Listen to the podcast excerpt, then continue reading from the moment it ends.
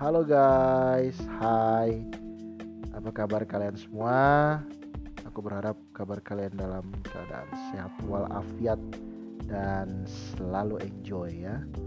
Oke, jumpa lagi di podcast aku Sami Mandala di episode keempat ini. Dan di episode keempat ini aku akan kembali membahas tentang sejarah alat musik. Setelah episode ketiga lalu aku ngebahas tentang bagaimana caranya kita mempunyai kepekaan dalam nada terus dengan feeling juga ya. Nah, itu aku ngebahas di episode ketiga buat kalian yang belum dengar bisa dengar di episode ketiga. Kalau mau cari di Spotify tinggal ketik aja Sami Mandala nanti keluar di situ ya podcastnya. Oke, alat musik apa sih yang mau aku bahas dalam episode keempat ini? Kita akan membahas tentang sejarah piano. Wow, asik nih ya. Oke, tanpa berlama-lama, langsung aja yuk kita membahas sejarah tentang piano. Oke, piano sendiri dibuat oleh Bartolomeo Cristofori di Italia pada tahun 1720. Nah, ini sekedar informasi aja guys bahwa sebenarnya di tahun 440 sudah ada alat yang cara kerjanya mirip seperti piano. Dia bertuts juga. Begitu. Oke. Uh, piano yang dibuat oleh Bartolomeo Cristofori ini senarnya itu tidak sekuat sekarang, guys. Dan sekarang uh, piano itu dipajang di Metropolitan Museum of Art New York, Amerika Serikat. Nah, Mengapa piano ini tercipta? Gimana sih awalnya? Nah, awal piano tercipta itu dari eh, berdasarkan keinginan untuk menggabungkan keindahan nada clavichord dan kekuatan harpsichord. Nah, apa itu clavichord dan harpsichord? Itu adalah salah satu alat musik dari uh, benua Eropa.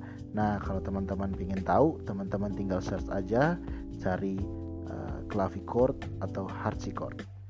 Begitu ya. Oke.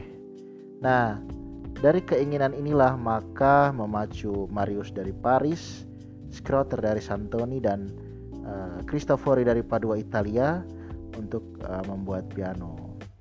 Tetapi hasil yang baik, hasil yang uh, bagus ya dari buatan uh, piano ini ditunjukkan oleh Bartolomeo Cristofori guys. Dan dari sinilah cikal bakal piano yang kita kenal sekarang, yang kita tahu sekarang. Dari sini cikal bakalnya. Gitu. Oke, di pertengahan abad ke-17 piano tuh dibuat dalam beberapa bentuk. Ada yang dawainya menjulang ke atas seperti harpsichord dan piano dibuat juga uh, sejajar dengan lantai lebih rendah oleh uh, John Isaac Helkins gitu guys. Jadi dibikinnya tuh uh, sejajar dengan lantai. Tapi seiring berjalannya waktu banyak juga nih permintaan alat musik yang lebih uh, murah lebih ringan dan sentuhannya juga lebih ringan. Nah tantangan ini atau permintaan ini dijawab nih guys oleh uh, para pembuat piano di Jerman dengan membuat piano yang bentuknya persegi. Nah, piano yang bentuknya persegi ini dipakai di rumah-rumah orang Eropa sampai dengan tahun 1860. Nah, piano yang di awal-awal ini guys. Tegangan tegangan senarnya itu uh, tidak kuat ya. Makanya bunyinya juga uh, tidak kencang piano yang waktu awal-awal ini ya. Jadi oh ya terus senarnya itu juga terbuat dari kayu. Terbuat dari kayu jadi digantilah. Mulailah dibuat piano dari rangkanya tuh semuanya besi Nah, di tahun 1870 sekitar tahun 1800 ya guys Joseph Smith dari Inggris membuat piano itu dengan uh, rangka dengan semuanya itu berbahan logam.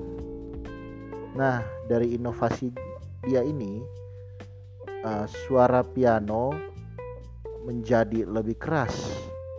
Nah kita membahas tentang suara kerasnya piano ya. Kan awalnya kan aku bilang tadi uh, piano itu kan dia tidak bisa apa ya dia hanya bisa menahan tegangan senar itu hanya bisa menahan yang uh, tegangan yang kecil aja ya. Nah ini kan berimbas pada abad 19 ini kan banyak nih dibangun gedung-gedung pertunjukan yang besar. Nah suara piano ini tidak bisa memadai guys. Makanya dibikinlah piano yang udah aku bilang tadi yang rangkanya dari besi terus si Joseph Smith juga menciptakan piano dengan rangka dengan semuanya dari logam. Nah di tahun 1820 banyak uh, pembuat piano menambahkan uh, potongan logam pada bagian-bagian piano. Begitu guys. Nah kalau sekarang kita tahu uh, tuts piano itu kan ada yuk? Ada 88. Nah, sebelumnya piano itu mempunyai 62 tuts dan 5 oktav. Dan dulu juga uh, pedal yang biasa dipakai diinjak tuh guys. Nah, itu itu pakai lutut guys dulunya. Bukan pakai kaki seperti sekarang.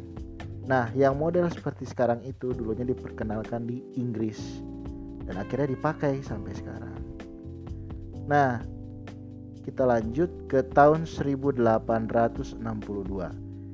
Nah, di tahun 1862 ini uh, tegangan senar piano ditetapkan itu awalnya 16 ton.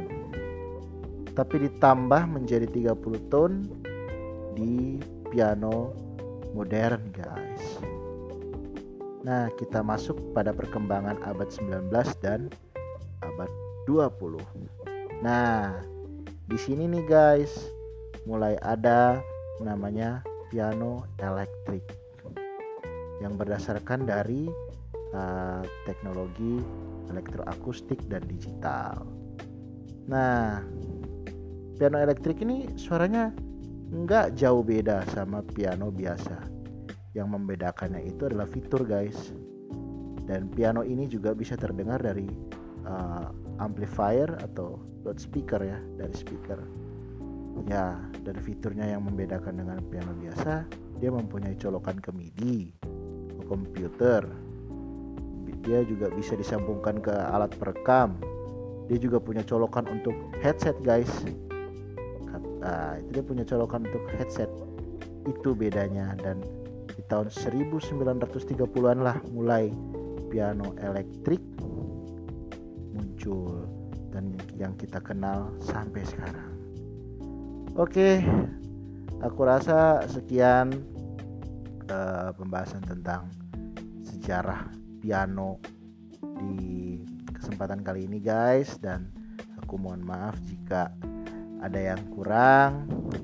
Aku mohon dimaafkan ya guys oke nantikan lagi podcast aku di episode berikutnya. Tetap sehat tetap semangat. Sampai jumpa. Bye bye